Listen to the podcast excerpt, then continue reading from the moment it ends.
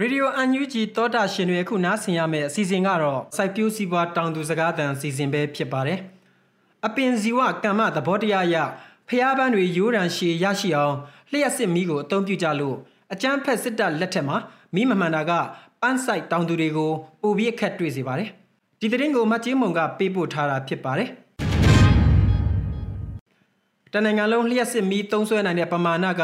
လိုအပ်ချက်ရဲ့ထက်ဝက်လောက်သာအသုံးပြုနေရပေမဲ့ အာနာသိန်းစစ်တပ်လက်ထက်မှာလျှက်စစ်မီးပေးနိုင်တဲ့အခြေအနေကဆိုးဆိုးရွားရွားကိုကျဆင်းလာနေပါတယ်။မော်ဘီမြို့နယ်ကပန်းဆိုင်တောင်သူတွေမှာလျှက်စစ်မီးကိုအသုံးပြုပြီးဈေးကွက်ဝင်ပန်းကက်တွေရရှိအောင်စိုက်ပျိုးရမှာတော့မီးပုံမှန်မရရှိလို့အခက်အခဲတွေဖြစ်နေတယ်လို့မော်ဘီမြို့နယ်ကပန်းဆိုင်တောင်သူတူကဆိုပါတယ်။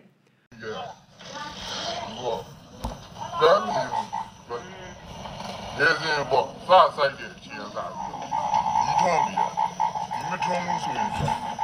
you can. A fool may be a clown and a queen. Well, you, hello, boy. What are you doing about me? Come on, now. Come on, when I You told her happens to you. Who lose your side, you have to. You look. ချိုးကြတယ်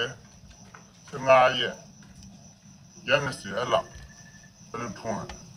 ပန်းတွေပွင့်လာဖို့အတွက်အပင်တွေအမှန်တကယ်တုတ်ပြန်မှုပြုတာက နေ့တာကာလမဟုတ်ပဲညတာကာလဖြစ်တယ်လို့အပင်ဇီဝကမ္မဗေဒပညာရှင်တွေကဆိုထားပါတယ်။ဖျားပန်းတွေအပင်တူသွားရင်ဈေးအရနေတဲ့အတွက်ညအခါမှာလျှက်စစ်မီးကိုဖြိုင်ဖြိုင်ထွန်းပေးပြီးမဖူးပွင့်ခင်အပင်ရှည်လာအောင်ထိမ့်ညှိရတာကအပင်ဇီဝကမ္မဗေဒသဘောတရားအရဆောင်ရွက်ကြတာဖြစ်ပါတယ်။ဒါပြင်အပင်တွေရေလောင်းဖို့ဆေးဖြန်းဆက်တွေလဲနိုင်ဖို့ကလည်းလျှက်စစ်မီးကိုအသုံးပြုကြရလို့မီးမလာတဲ့အခါအချိန်မီဆေးမဖြန်းနိုင်တာတွေကလည်းအခက်အခဲဖြစ်ရတယ်လို့ ပန်းဆိုင်တောင်သူတူကအခုလိုပြောပြပါတယ်ကဲတော့ဆေးပြန်းနေတဲ့အချိန်ဖြာဖို့မလွယ်ဘူးပေါ့ကျွန်တော်တို့ဒီဆေးပြန်းလက်နဲ့ဟောတာနဲ့